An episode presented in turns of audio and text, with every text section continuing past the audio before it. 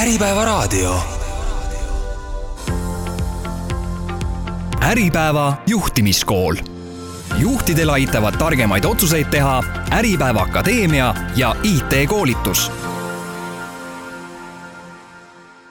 hea kuulaja, eetris on Äripäeva juhtimiskooli raadiosaade, kus annavad erinevate valdkondade koolitajad ja eksperdid praktilisi nõuandeid, kuidas olla juhina edukam ja teha paremaid juhtimisotsuseid. juhtimiskool on eetris Äripäeva raadios kord kuus, kolmapäeviti kell kolm mina olen Äripäeva koolituste juht Marianne Lõhmus ja minuga on täna stuudios koolitaja, õppejõud ja ettevõtja Kristo Krumm, tere Kristo! tervist! Tänane saade keskendub juhtimisteemadele ja on inspireeritud Äripäeva Akadeemia koolitusest spetsialistist juhiks. mina asusin juunis Äripäeva koolitustele juhi ametikohale ja olen selle koolituse esimese osaga läbinud, nii et saan oma kogemusi jagada aga enne, kui me lähme sisuliste teemade juurde, ma korra paluksin sul ennast lühidalt tutvustada meie kuulajatele. No sa juba kolme põhitegevusvaldkonda või, või, või nii-öelda minu siis tiitlit nimetasid, eks ole, et koolitaja, õppejõud, ettevõtja, vahest ma ütlen, ma olen mentor ka, noh ma tegelikult siis jagangi oma tööd niimoodi, et ma äh, tegelen pool ajast ülikoolis õpetamisega, ma olen Tehnikaülikooli ametilt turunduse lektor, aga tegelikult loen seal veel mõningaid muid aineid, mis on, puudutab majandust, aga ma olen lugenud vist küll kõiki asju ülikoolis, mis on ettevõtluse, majanduse ja, ja raamatupidamise ja finantsjuhtimise ja ma ei tea, kõige millega veel seotud. ja siis teise osa teen koolitusi ja minul on niisugune, niisugune omamoodi ärimudel, et, et ma töötan nagu nii-öelda siis allhankijana ja siis vot peatöövõtjana on Äripäev üks, eks ole, mina olen alltöövõtja. ehk et kuigi jah, mul on ka nii-öelda muid, muid selliseid koolitus, koolitusi, koolitusvõrgustikke, nii et ma teen koolitusi ja siis aja jooksul tekib ikka niisuguseid nõustamisi ka, vaata, eks ole, et kus tuleb mingi ettevõtja, ütleb, et aita mul seda või toda või kolmandat teha, tavaliselt on minu fookuses niisugused väiksed ja alustavad ettevõtjad ja vahepeal oli ka hästi palju startup'e äh, tänu ülikoolile, kus siis noored tudengid tahavad hakata äri looma ja siis on vaja neid natukene suunata õigele teele nii et vot umbes niimoodi jah, niisugune mees ma olengi okei okay,, aga lähme siis äh, kohe nii-öelda sisuliseks edasi ja võib-olla alustame siis äh, strateegilise planeerimise tähtsusega. ja see strateegiline planeerimine on ka midagi, millest sa oma koolitusel räägid, et kuidas saab äh, see organisatsiooni edule kaasa aidata ja võib-olla mis on need levinud vead, mida siis juhid just sellise planeerimise protsessis teevad? Jah, ehm, kui nüüd äh, kuskilt äh, kaugemast otsast pihta hakata, siis noh, enamus kuulajad, inimesed teavad ja ettevõtjad kindlasti, mis asi on ettevõtte visioon või mingisugune kaugem siht ja eesmärk, ja, ja noh, siis need ettevõtted, kes on endale visiooni määratlenud, nad siis äh, peaksid tegema niimoodi, et looma siis sellise nagu pikaajalise tegevuskava, mis siis ulatub seal, ma ei tea, viis aastat, üle viie aasta ja vot siis neid põhitegevusi, mida tehakse selleks, et seda kunagi tulevikus, seda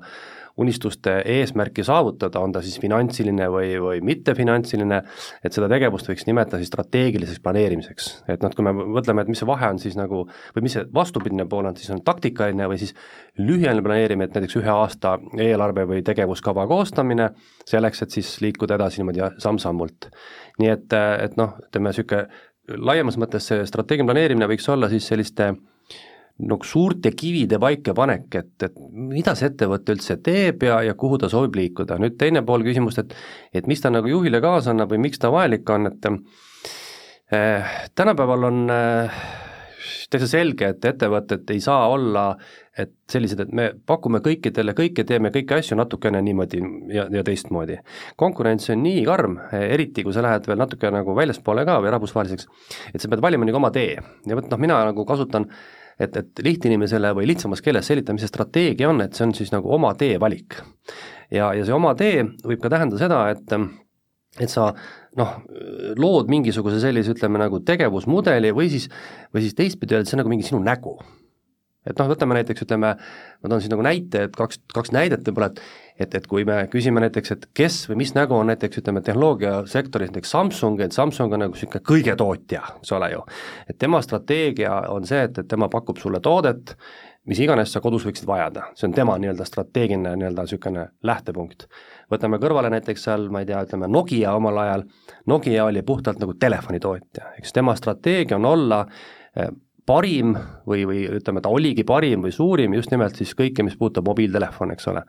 või siis, või siis eks ole, Nike'i strateegia on olla siis nii-öelda selline sportlasele, ükskõik, on ta siis amatöör või, või tippsportlane, siis nii-öelda selle varustuse ja riietuse tootja, et see tegevus, mida sa teed, oleks siis võimalikult, ma ei tea, kvaliteetne ja tulemuslikkus. nii et, et noh, see strateegia peaks andma nagu sellele juhile sellise suuna või tegevuse, et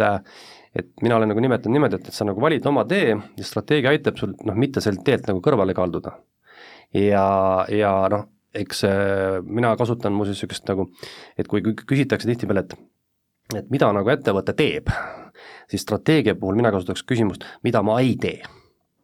et kui ma ütlen Äripäeva puhul, siis mida Äripäev ei tee, eks ole, Äripäev ei anna välja võib-olla mingit meelelahutuslikku sisuga ajakirjandust, eks ole, seda ta ei tee.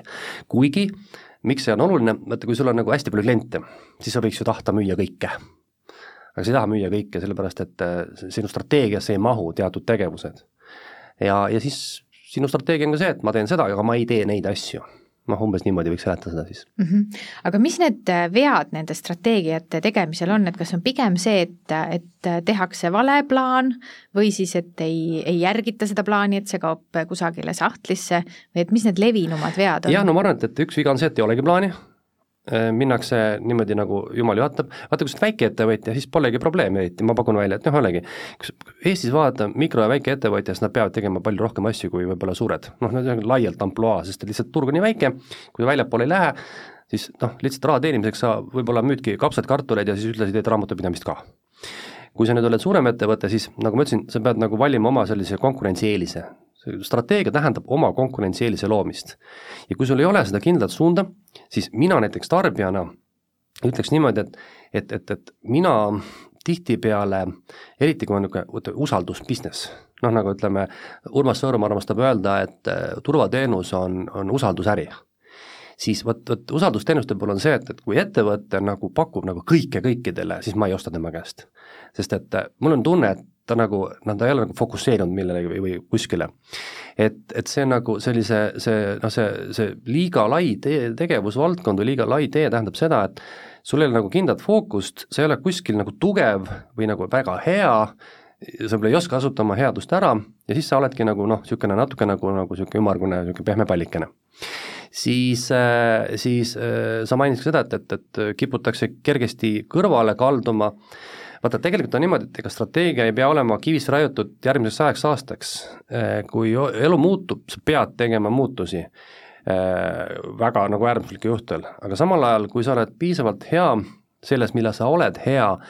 siis on võimalik teha ka asju, mis pealtnäha võib-olla tundub, et ei toimigi. ma toon siin näite, kunagi eh, see on siis, mis on see mängu, mänguasjatootja Lego, mis ta oli, vist kaheksakümnendate lõpus, vaatas, et Lego klotsid on küll täitsa mõttetu asi, et keegi ei mängi klotsidega, kõik hakkavad tahtma neid pisikesi pihukonsoole. siis olid Nintendo ja Playstationid ja ma ei tea, mis kõik tulid turule. ja tema hakkas ka ehk siis ta muutis oma strateegiat, liikudes, noh, strateegia oli ikka nagu mängude või mänguasjatootja, aga, aga siiski, see on ikka tohutu strateegiline muutus, et sa liigud nüüd niisugust plastmasskäsitsi pandavatest klotsidest järsku mingisuguste elektrooniliste vidinate peale. ta väidetavalt kulutas paar miljardit ära ja sellest tulnud mitte midagi välja ja ta pöördus tagasi sinna klotside juurde, ehk siis ta teeb midagi, mida ta teeb hästi,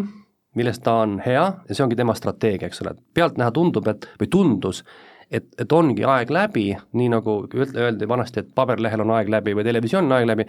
mis on nagu piisavalt hea. Ja sa oskad turgu ennetada, üllatada, siis on võimalik eh, oma nii-öelda strateegiast kinni hoides ikkagi olla nagu omas valdkonnas edukas. aga ma ütlen veel kord, et, et noh, teatud mõttes ikkagi sa pead nagu eh, muutusi, muutustega kaasa minema. aga veel on üks oluline asi, mis ma arvan, millest noh, mida mina kasutan, on selline nii-öelda nagu turunduslik eristumine või, või turunduslik nägu, et see strateegia peaks olema midagi sellist, mis lõpuks kajastub ettevõtte brändis mina, ma, ma isegi ütleks niimoodi, et see strateegia, tegelikult selle kõige suurem väärtus äh, ilmneb siis, kui sinu brändil on sellised tunnused, mida iga äh, nii sinu klient kui ka mitteklient oskab seda nii-öelda nagu peast öelda. ja vot mina pean nagu üheks väga suureks nõrkuseks strateegilise planeerimise nagu puhul seda, et seda oma nägu ei olegi suudetud üles leida. Eestis, ma julgen arvata, ei ole väga palju ettevõtteid, kes on suutnud luua sellise brändi strateegia. ehk siis see strateegiline tegevus kajastub lõpuks mingisuguses nii tugevas brändis, millel on omad tunnused kas sa oskad mujalt maailmast sellist head näidet tuua, et kus see ongi nii-öelda nagu kohe selge silmaga nähtav kõigile äh,? On olemas üks sihuke äh,, sihuke, ma ei osagi öelda, kuidas seda fenomeni võiks nimetada, aga äh, need on siis tooted, mida inimesed ostavad nimetamata toodet. ehk siis äh, keegi üldiselt ei ütle, et ma ostsin Apple'i iPhone'i telefoni, vaid inimesed ütlevad, ma ostsin Apple'i mitte keegi ei ütle, et ma ostsin elektriauto firmalt Tesla, vaid ma ostsin Tesla. no see on nagu ülim tase. Ja sealt on see järgmine asi, et eh, kui sa lapsevanemana lähed mähkmeid ostma, siis sa ei lähe mitte mähkmeid ostma, vaid sa lähed pampersit ja. ostma, isegi kui sa ostad teise firma või ostad Emmaljunga vankri, eks ole, keegi ei küsi, mis asja sa ostsid, vaid sa ostsid selle asja, eks, täpselt õige, jah. Eh, meil on õnneks selliseid brände, on, on, ma arvan, Äripäev on üks nendest kindlasti ka. Eh, ma ei pea küsima, et, et noh, ma ei tea, mis, mis asja te teete või toodate, aga see on see, et, et su, su nimi on sinu toote sünonüümiks paraku kahjuks on veel neid inimesi palju, kes ei tea, mis kõik siin Äripäeva majas seal toimub, et, et on ikkagi ka mina olen kohtunud nende üllatavate nägudega, kes, et aga kas see roosa leht ei olegi kinni pandud veel no et tundub, et see on ka võimalik.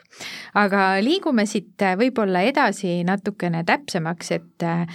et äh, räägime siis tervikvaatest versus siis finantsnäitajatest, et äh, kuidas, et kui juht väga hoiab fookust äh, finantsnäitajatel just siis tulud-kulud kasum, eks ju, et, et kuidas siis säilitada samal ajal seda nagu tervikvaadet kogu organisatsiooni toimimisel, et no vot, siis me nüüd liigume sinna sellisesse juba nagu süsteemsesse juhtimisvaatesse, et ähm, kõigepealt hakkame sealt pihta, et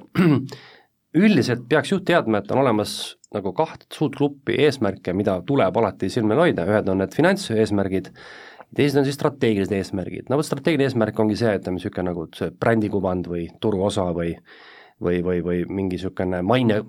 kuidas iganes nimetada, mida on palju raskem mõõta ja palju raskem ka nagu hinnata, võrreldes näiteks tulukulu või kasumiga, eks ole ju. kas see strateegiline eesmärk ei pea siis üldse sisaldama nii-öelda seda finantspoolt endas? ei pea kusjuures, jaa ei pea, ehk siis äh, kui näiteks minu eesmärk on, äh, on äh, noh, ütleme niimoodi, ma toon hea näite, minu arvates ühest maailma parimast visioonist. ja see näitab ka inimese geniaalsust. See lugu tuleb Mark Zuckerbergist, kui ta oli umbes kahekümne, ma ei tea, kolme-nelja-aastane, kui ta siis nii-öelda leiutas või, või käivitas Facebooki ja sellest raamatust, mille järgi on tehtud ka film, seesama äh, Facebook äh, ühe sotsiaalvõrgustiku lugu või kuidas see nimi on, seal ühel lehel ütleb Zuckerberg, et äh, minu unistuseks on luua selline keskkond, kus kõik inimesed saavad tasuta suhelda. see ongi visioon. siin ei ole mitte ühtegi mõõdetavat mm -hmm. finantsilist eesmärki, eks ole. ehk et see on nagu strateegiline eesmärk luua selline, kus kõik inimesed üle maailma saavad suhelda. see on kättesaamatu eesmärk, aga ta liigub sinna suunda kogu aeg, tal on juba kolmandik maakera inimestest on juba koos, eks ole. aga aga nüüd, äh, kui tulla nagu sinna juurde, et, et kuidas seda fookust teha, siis noh, ma tean, et sa tahad mult küsida kindlasti ka mudelite kohta ühel hetkel, on ju. ja ma võin siis etteruttavalt praegu öelda, et selleks ongi võimalik siis kasutada mingit mudelit, mis, mis aitab sul luua süsteemi, ehk siis ütleks niimoodi lihtsalt praegu, vastaks niimoodi, juht peaks endale siis aru tegema, selgeks õppima või, või, või ma ei tea, mis ta siis teeb, loeb kuskilt, et kuidasmoodi siis need nii-öelda erinevad tegevused, äh, mida ta ettevõttes teeb, neid erinevaid tegevusi siis nii-öelda nagu mõõta ja panna need kõik nagu ühte kokku, ühte punti kokku, nii et ühesõnaga selle finants, ainult finantsnumbritele keskendumine, eh, see on, see ongi nagu see on üks osa, eks ole. no nagu ütleme, et kui, kui Äripäev mõõdaks ainult näiteks lehelugejate arvu, väga selgelt ütleme, mingi mõõdik, numbriline mõõdik, aga see ei ütle tegelikult ilmselt väga-väga palju või jätab väga palju arvestamata, mida te tahate teada selleks, et oma tegevusi paremini kavandada aga kuidas sa mõõdad kõiki neid äh, asju, mis, mis ei ole rahaga seotud, on ju, et kui me räägime töötajatest, toodetest, klientidest, ettevõtte arengust, et kuidas luua seda nii-öelda sellist terviklikku ülevaadet või mõõdikute süsteemi? noh, siis on niimoodi, et hakkame sealt pihta, et, et äh, ma isegi ei kasuta mingeid moodsaid sõnu nagu smart-reeglid ja muud asjad, vaid ütlen, et et kui õpetada eesmärgistamist, siis eesmärgistamisel, eesmärgi seadmisel on mõned hästi lihtsad reeglid. esimene on see, et iga asi, mida sa tahad nii-öelda nagu saavutada, peab olema numbriliselt mõõdetav. iga asi peab olema numbriliselt, no näiteks, et, et ma küsin, et mis on meie maine? esimese hooga mõtled, mis kurat, mis, jah, kuidas sa mõõdad seda, eks ole, aga lood süsteemi ühest kümneni näiteks, oletame, eks ole, üks on, et noh, et, et mage ja kümme on hästi äge. nii, ja siis annad inimestele hinnata, seletad seal selle skaala lahti, inimene ütleb, et no minu arvates maine on kaheksa näiteks. aga sina oled selle number kaheksa endale nagu lahti selgitanud, sa tead, mis see tähendab sinu jaoks, eks ole, nii. või näiteks ütleme, et et sa mõõdad näiteks noh, seal mõõdetakse brändi tuntust, eks ole, seal on väga selge numbriline mõõdik, on olemas spontaanne tuntus ja aidatud tuntus ja, ja topi tuntus ja nii edasi, seal on ka väga selge mõõdik, nii, teine asi, iga eesmärk peab olema ajaliselt sätestatud ma olen alati nagu igal pool koolitustel ja, ja muidu öelnud, et et niisugune eesmärk, et homme hakkan õppima, on väga kehva eesmärk, eks ole. et sul on nagu mingi sel-, selge siht, et noh, et järgmine aasta või, või kuu aja pärast või mis iganes, see on teine asi. kolmandaks, eesmärk peaks olema seotud sinu olulise tegevusega. ma olen näinud ettevõtteid, kes mõõdavad igasugu asju. aga ma, ma vast mõtlen, aga miks sa mõõdad, mis see nagu annab sulle, eks ole ma, ma, mõnikord on juhile õpetatud kuskil koolis või, või koolitustel, et kõike tuleb mõõta. mõnikord on see lihtsalt noh, et keegi arvab, et nii on äge, eks ole, aga noh, ei ole vaja kõike mõõta, vaja on mõõta seda, mis on oluline sinu jaoks. neljandaks on see, et, et mõõdikud ja, ja nii-öelda need numbrid, eesmärgid peaks olema nagu piisavalt ambitsioonikad. et kui sa ületad poole aasta pärast oma eesmärke kahe tuhande protsendiga, siis ja teed seda iga aasta järjest, siis ilmselt ei ole mitte õnn, vaid vot sa oled kehvad eesmärgid seadnud, eks ole. aga samal ajal teistpidi ka, et eesmärk peaks olema nagu ületatav, et ei ole mõtet nagu seada nagu sellist tohutult mingisugust niisugust mõõdetud ambitsioonikat eesmärki, mida sa kunagi ei saavuta. ja, ja veel peaks olema tegelikult eesmärgi saavutamisel sinna taha võimalik panna ka ressursse. et ma tean, et, et sina näiteks oled, nagu sa ütlesid, sa oled uus oma ametis, kui nüüd mina peaks juhina sulle seadma eesmärgi, siis ma peaksin sulle võimaldama ka sinna juurde ressursse. et, et need on nagu niisugused olulised komponendid. ja, ja ma toon ühe hea näite sellest eesmärkide saavutamisest või eesmärkide püstitamisest, et miks on oluline, et mul oli kunagi, minu õppejõud õpetas niimoodi, ma rääkisin ühe loo, et, et eks, et, et kui ei ole eesmärke niimoodi sõnastatud, nagu ma praegu just seletasin. ja nüüd näiteks sina oled minu, ütleme siis firma omanik, kuhu mina tulen tööle tippjuhina ja sina nüüd ütled, et vot nii, no ütle mulle üks eesmärk näiteks, suvaline eesmärk, mida sa tahad, et ma saavutaksin, suvaline kakskümmend protsenti käibekasvu järgmisel aastal. väga hea, suurepärane, ma hakkan narkotsi müüma, see toob kõige kiirema tulu. oled nõus, eks ole? Ehk siis, kuna sa ei andnud mulle mitte ühtegi muud suunist, siis ma teen seda, mis toob kõige kiiremat tulu, eks ole, aga see ei ole kooskõlas meie ettevõtte strateegiaga. või näiteks, et ma teen midagi kolmandat-neljandat, eks ole, milleks ei ole mhm. ressursse või, või tulemust. nii et ühesõnaga, et selleks, et nagu tegelikult nagu, et, et, et eesmärk nagu niimoodi nagu tuleks nagu võtta nagu aatomiteks lahti ja, ja siis sa saad nagu aru ka, et mida saad saavutada, mida on võimalik, mida on millal võimalik, eks ole ju, et noh, see on nagu, see on nagu pikk tee ja ja võib-olla see eesmärkide niisugune hea niisugune näide võiks olla niisugune strateegilist planeerimist jällegi riigi tasandil, et kui me äh,, mäletan kunagi hakata sellest rääkima, et õpetajate palka on vaja üldse tõsta, eks ole. no ja siis äh, oli niisugune huvitav lähenemine, et teeme niimoodi, et tõstame iga aasta noh, kümme protsenti no nii, aga siis on niimoodi, et noh, et kuna elukallidus läheb kogu aeg eest ära, siis tegelikult see, et me jõuame sinna välja, et me tahame, et õpetaja saab head palka, eks ole, see ei käitu mitte kunagi. nüüd küsimus, et kuidas peaks hea juht käituma? hea juht peaks tegema niimoodi, et ta paneb tuleviku selle visiooni paika, et näiteks ütleme, viie aasta pärast on äh, siis õpetaja palk kahekordne näiteks Eesti, ütleme, keskmine. ja nüüd tuleb see tänasesse päeva, nüüd hakkab mõtlema, mida ma pean tegema selleks, et ma sinna viie aasta pärast jõuan, ehk ma panen siia vahele need vaheeesmärgid. esimene aasta, teine aasta, kolmas aasta, neljas aasta.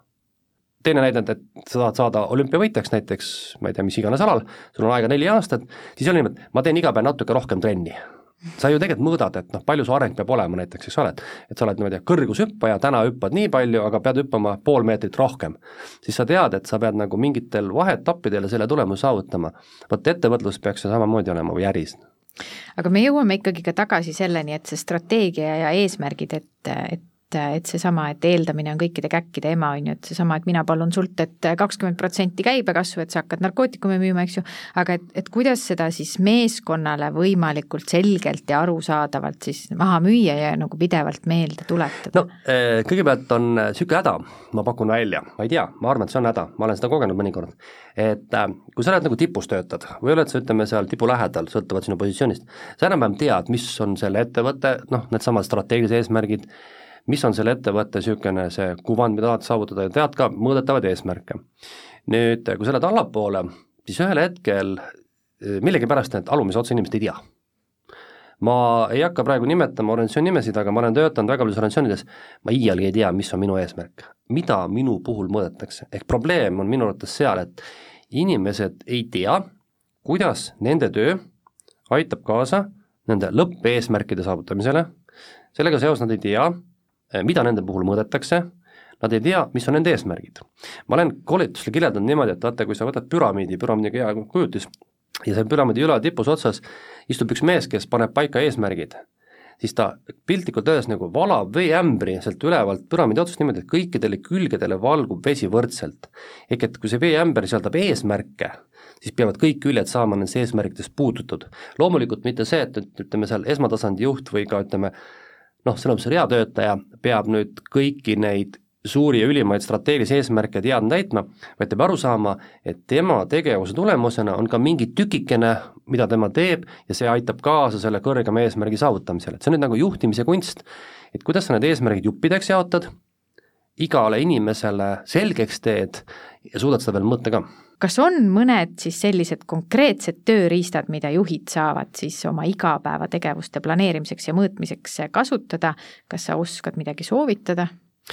noh, ma siin ütlesin, et eks ole, tavaline selline eesmärgistamine on ka asi, mida saab õppida. selleks on, on ka olemas lihtsad mudelid, noh kõik, paljud teavad SMART-reeglit, eks ole, see on siis seesama minu poolt juba nimetatud viiest elemendist koosnev siis nii-öelda selline noh, ma ütlen siis eeskiri, et milline peab olema üks hea eesmärk.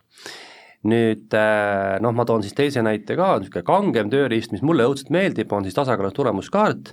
ja miks ta mulle meeldib, on see, et äh, ta on loodud nagu, vot, vot seesama, see tasakaalus tulemuskaart on niisugune hea näide, kuidas nagu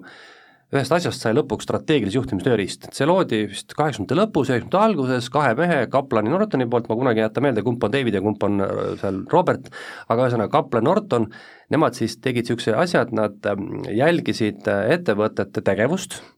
ja vaatasid, mida ettevõtjad mõõdavad ja kuidas nad hindavad oma ettevõtte edukust. Ja nad avastasid, et probleem on selles, et keskendutakse ainult finantsnumbritele, ehk siis põhiliselt seesama kasum, käive ja võib-olla seal midagi, tulud-kulud,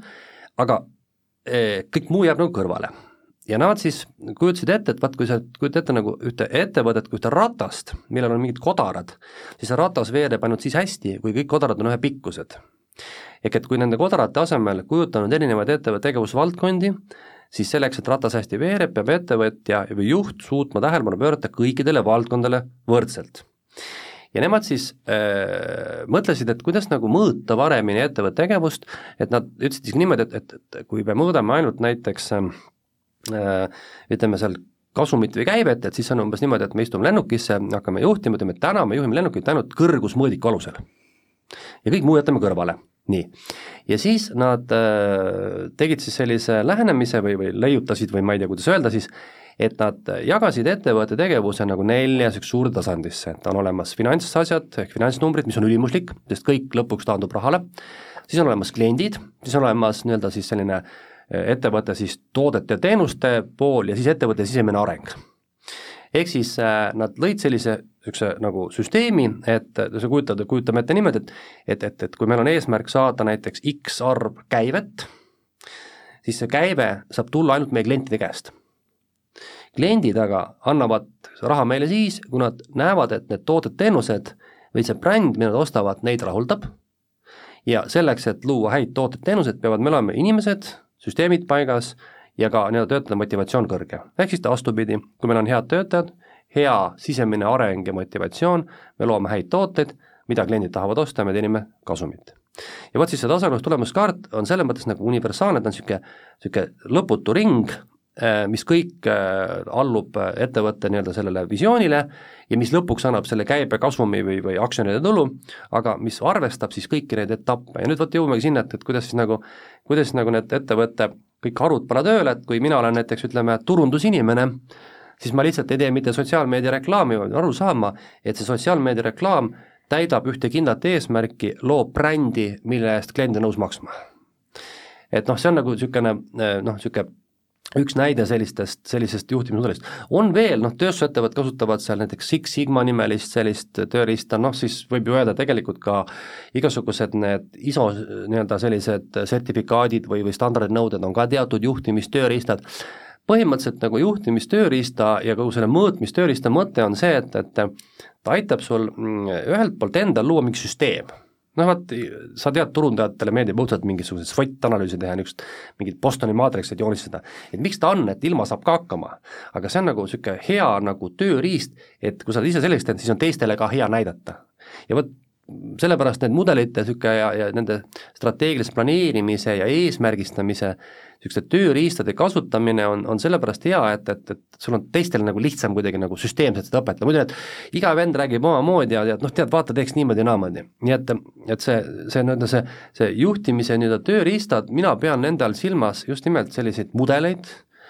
või mingisuguseid meetodeid, see ei pea olema ka üldse matemaatiline meetod, see võib olla ka mingi kirjeldav meetod, mis aitab sul hoida sedasama raja peal, nagu ma ütlesin, eks ole, et, et sa tead, et kuhu sa tahad jõuda ja sa ei lähe sealt rajalt kõrvale ja siis selleks, et iseenda nagu ütleme, võtame, et ma olen tippjuht, et ma tahan nüüd sulle anda edasi oma mõtteid, et läbi selliste tööriista on seda võimalik teha. teiseks, kui me kasutame selliseid mudeleid, siis kui, kui kõik ettevõte tervikuna ühte asja kasutab, siis me saame kõiki asju paremini mõõta. Et jälle, et üks probleem on selles, et kui me kui me ei, nagu ei loo sellist ühtset mõõdikute süsteemi või mudelit, siis võib olla olukord, kus igaüks mõõdab asju pisut erinevalt ja, ja tulemus on selline, et noh, et, et me nagu tegelikult ei saagi aru, kuidas meil läheb ma küsin võib-olla siia nende mõõdikute jätkuks, et aga et kuidas me mõõdame töötaja panust? No vot, nüüd on küsimus, eks ole, et mida see töötaja teeb näiteks, eks ole ju, et eh, noh, ütleme näiteks müügitöötajatel on, on, on mitte ainult seesama nii-öelda müügitöötaja tulemuslikkus, aga noh, näiteks ütleme, et et sul on võimalik kasutada seal kolmsada kuuskümmend kraadi hindamist, kus hinna, hinnangu annavad sinu juhid, ülemused, koostöökolleegid ja kliendid, eks ole, et noh, et või alluvad, et seal on nagu võimalik kasutada sellist asja, kus see on siis puhtalt niisugune juba nagu subjektiivne või noh, niisugune, et noh, et sa hindad mingeid asju seal. teine asi on see, et et kui sul nagu võib-olla sul nagu, oletame siin, et nagu üksikisikuna ei ole sul võimalik mõõta, aga sul on võimalik osakonna tulemuslikkust mõõta, siis on jällegi juhi kunst see, et ta peab suutma arusaadavaks teha oma tiimile, et vaata, et me nüüd ei saa nagu päris võib-olla igaühe üksikut tulemust mõõta, aga meil on osakonna eesmärgid ja me peame jõudma niimoodi, et vot kui see eesmärk on täidetud, siis me saame, ma ei tea, preemiat, palka või midagi muud asja, eks ole. et äh, ma olen näinud ettevõtteid, kus isegi koristaja tulemuslikkust on võimalik mõõta ja, ja mitte lihtsalt niisama, et koristaja koristas, vaid näiteks seda, et, et, et kuidas näiteks ütleme, kui koristaja koristab ruume ja seal käivad kliendid, kuidas kliendid hindavad ühte elementi nimega näiteks ruumi nagu selline visuaalne element, eks ole, et see on nagu, see on nagu tagasiside siis nii-öelda koristajale, toome näite, eks ole ju e,. Noh, kindlasti on üks e, levinud tööriistasid, mida kasutatakse, on see e, mis ta on, see on see, pagan nüüd see, kus kohas me anname seda hinnangut, et kas sa ostaksid seda minu käest, rahuloluindeks või mis ta on see, eks ole, mul ei tule nimi meelde, tuleb sulle meelde või?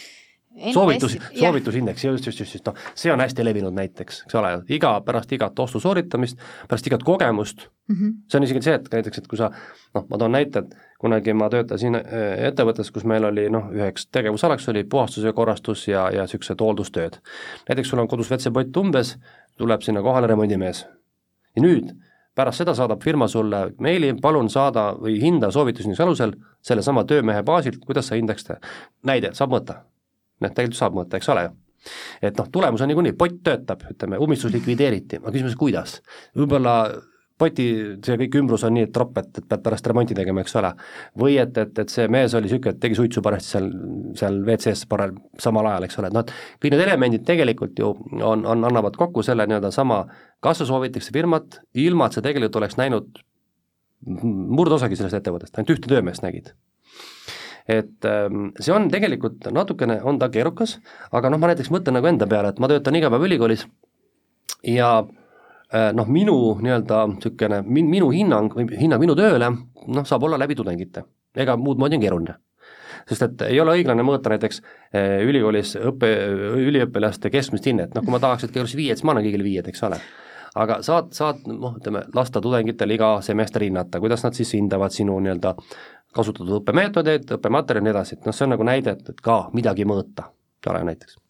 aga nende tööriistade nagu päriselt töösse rakendamine, et kas see on ikkagi nagu suur kannapööre ettevõttes või käib see kergesti või, või kui keeruline see protsess on? no näiteks tasakaalus tulemuskaardi puhul seda ei saagi teha muud moodi, kui selle peab kehtestama tippjuhtkond. sest see on süsteem, mis peab olema ülevalt alla, kõik peavad seda jälgima. seal ei saa niimoodi, et mina teen, aga sina ei tee. aga noh, näiteks ütleme, kui juht tahab enda ütleme siis osakonnas äh, kuidagiviisi neid eesmärke paremini äh, viia oma töötajateni, siis ta võib seda teha ka ju, ju kuidagi omal moel. Või kui ta tunnetab näiteks, et noh, et oletame, et ettevõttes ei ole võib-olla see eesmärgistamine nii rangelt paigas või ja mõõdikud ei ole nii täpselt hinnatavad, vaid hinnataksegi ainult seal paari-kolme näitajat, aga mina olen mingisugune juht, kes siis vastutab millegi eest, siis noh, ma võin ju luua enda süsteemi ka näiteks, eks ole, et ma lihtsalt tean, et, et et, et, et me, me mõõdame seda, seda ja näiteks seda, et võib täitsa vabalt olla, jah. et äh, aga noh, parem oleks muidugi see, kui kui sellised mõõdikud oleksid kokku lepitud baastasandil firmas tervikuna, aga see on ilgelt keerulist protsess muuseas, ma olen seda tasakaalus tule-, tasakaalus tulemuskaarti juurutanud, see on ikka kuudepikkune töö hirmutame oma kuulajad ära nüüd. nojah, aga, aga see ongi see, et, et sa pead nagu, sa pead kõik osakonnad nagu sinna paati saama, eks ole, ja sa pead looma süsteemi ja siis sa pead vaatama, kas ja kuidas üldse mõõta, vaata eks ole, noh, rahanumbreid on lihtne mõõta, aga tulebki nüüd näiteks personalijuht, personalidirektor, ütleme, no kuidas sa mõõdad tema asja, sa pead hakkama mõtlema, kuidas sa tema tööd hindad niimoodi, et see veel omakorda kajastuks kasumis näiteks, toome näite, noh, see ongi keerukas, aga saavutatav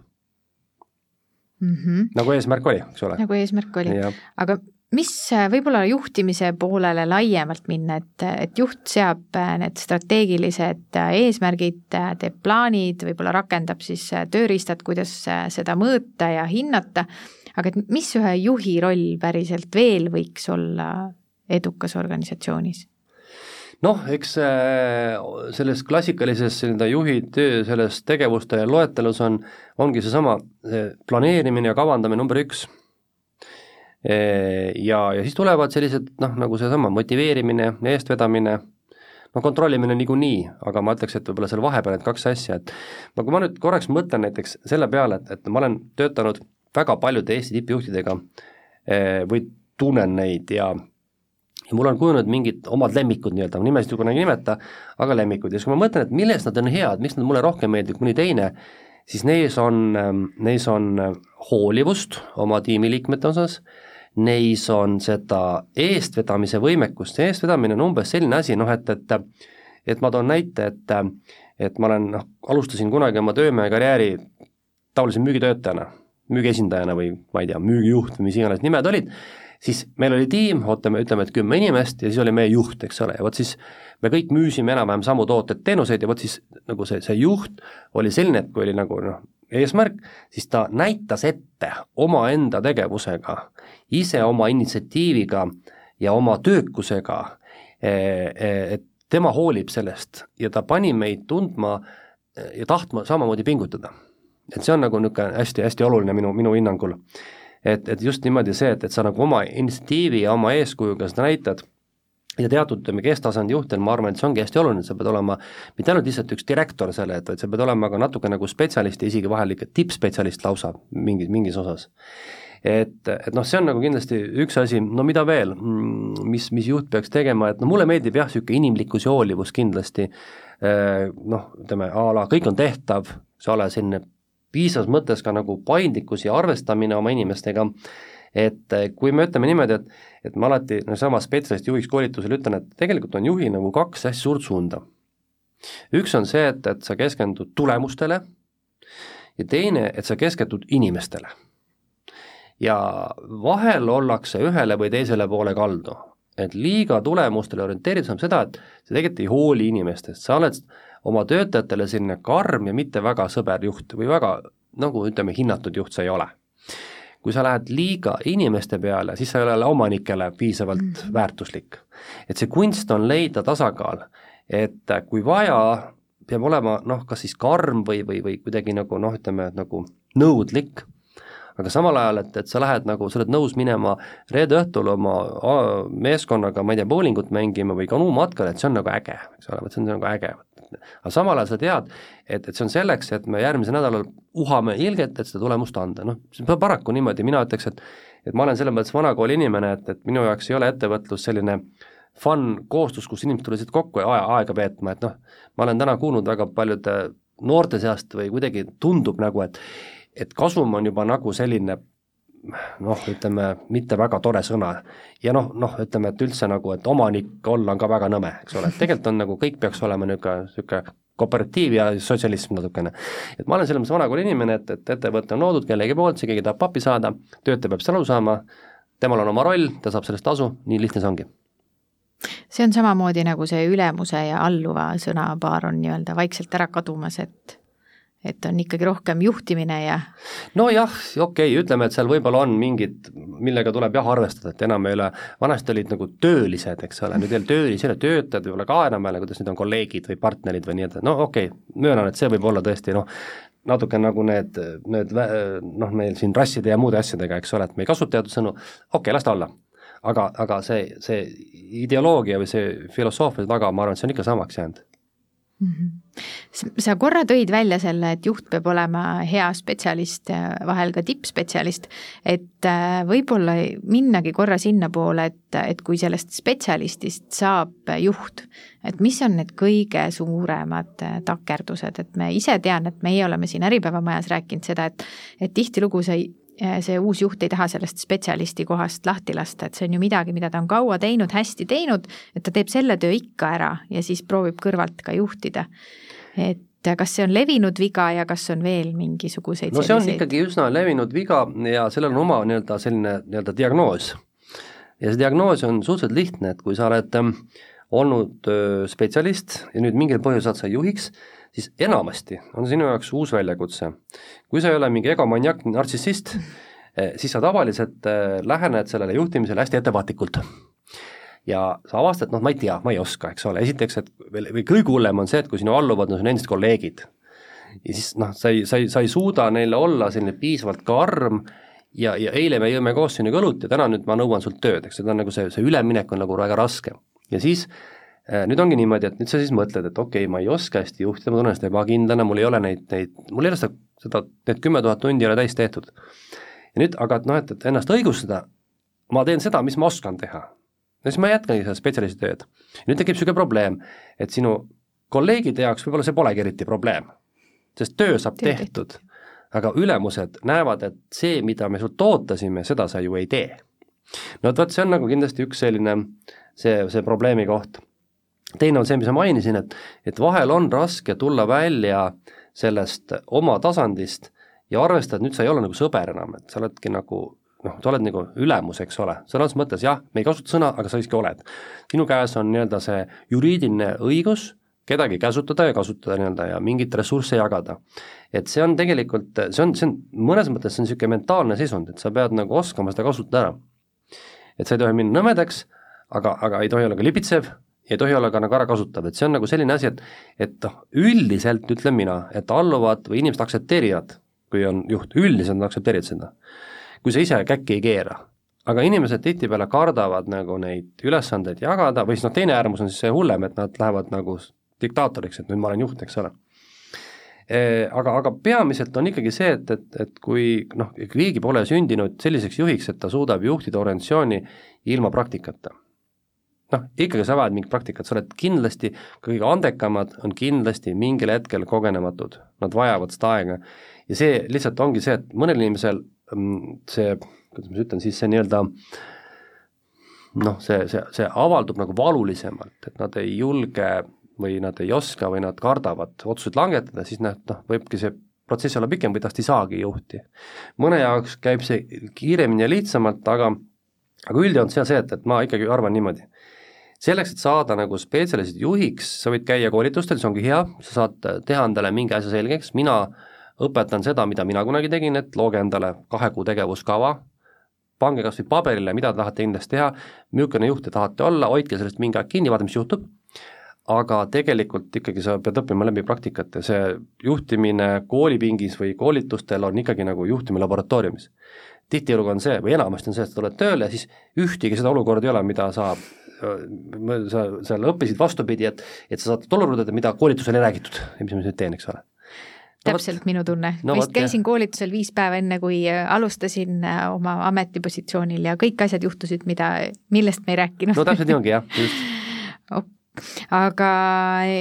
kui nüüd äh, mõelda selle värskelt äh, alanud ja alustanud juhi peale, et sa ütlesid, et teha see kahe kuu plaan, et, et kui tihti või kui vajalik on üldse selline nagu enesehindamine selles protsessis ja kui palju on üldse neid asju, mida sa muuta saad, et kui sa ikkagi ei ole inimeste inimene, et noh, et kas sa suudad jõuga olla siis? no hakkame sellest pihta kõigepealt, et, et äh,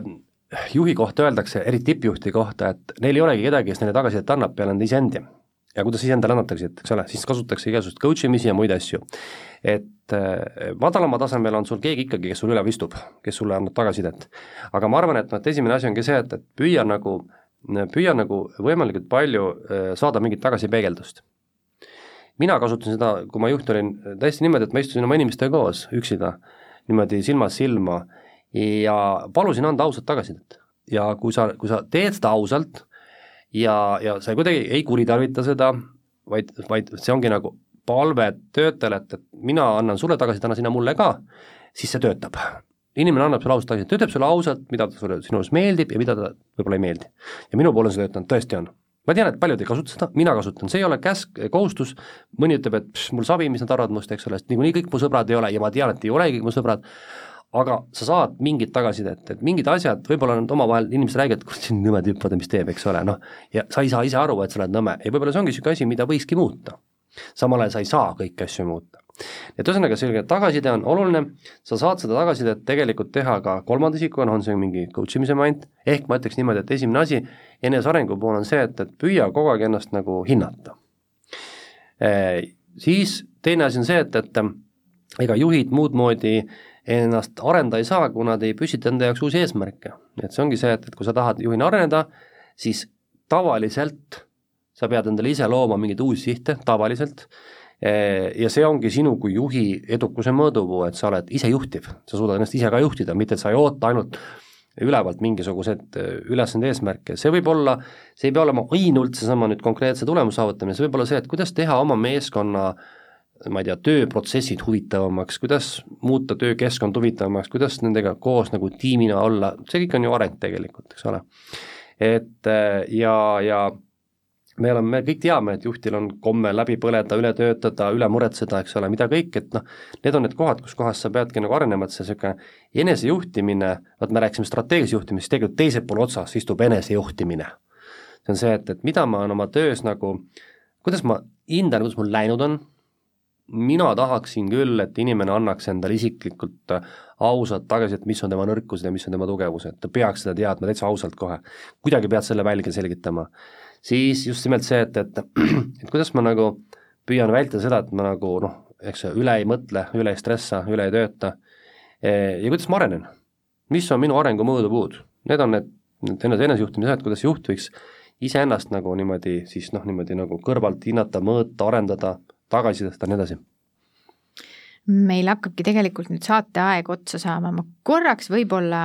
läheksin tagasi meie selle koolituse juurde, et me teeme siis äh, spetsialistist juhis, juhiks koolitust ja me teeme seda nii-öelda kahel erineval tasandil. et kas sa võib-olla korraks nagu kirjeldaksid, et, et et milline koolitus, mis sihtgrupile siis paremini sobib või kus sa pead oma juhtimise teekonnal olema, et sellest kõige rohkem abi saada. okei okay,, sa mõtled, et meil on nimega juhtimine, see juhtispetsialist üks ja kaks, jah? just, just, just, ja paremat nime ei olegi, siis ongi niimoodi, jah. no esimene, see nii-öelda see number üks, mis on meil juba aastaid siin jooksnud, selle koolituse puhul on äh, vägagi oodatud inimesed, kes tegelikult veel ei olegi üldse juhid äh,. Aga neid on meil vähem muuseas koolitusel meil on olnud inimesi ja pidevalt on üks-kaks inimest kindlasti, kes teavad, et nad mingil hetkel pärast hakkavad juhiks. no sina tulid viis päeva enne, eks mm -hmm. ole, mhm. aga meil tuleb kuu aega näiteks enne, ta teab, et tal on juba amet hakkab tulema, vot nii edasi. ja, ja väga on oodatud sellised kindlasti, kellel on juhtimiskogemust seal võib-olla üks-kaks aastat. E, käib meil palju selliseid, kes tegelikult on juba töö, töötanud pika juhina, nad ütlevad, et nad ei ole nagu kunagi koolitust saanud ega õpet, ega ma neid loomulikult tagasi ei lükka ja aga, aga võib-olla nagu kõige noh, see just see nagu vau-efekt võiks tekkida just selle koha pealt, kus sul on kas null kogemust või vähe kogemust. siis on sul kohe võimalik saada natuke tagasisidet vähemalt selles, mida sa võiksid paremaks teha.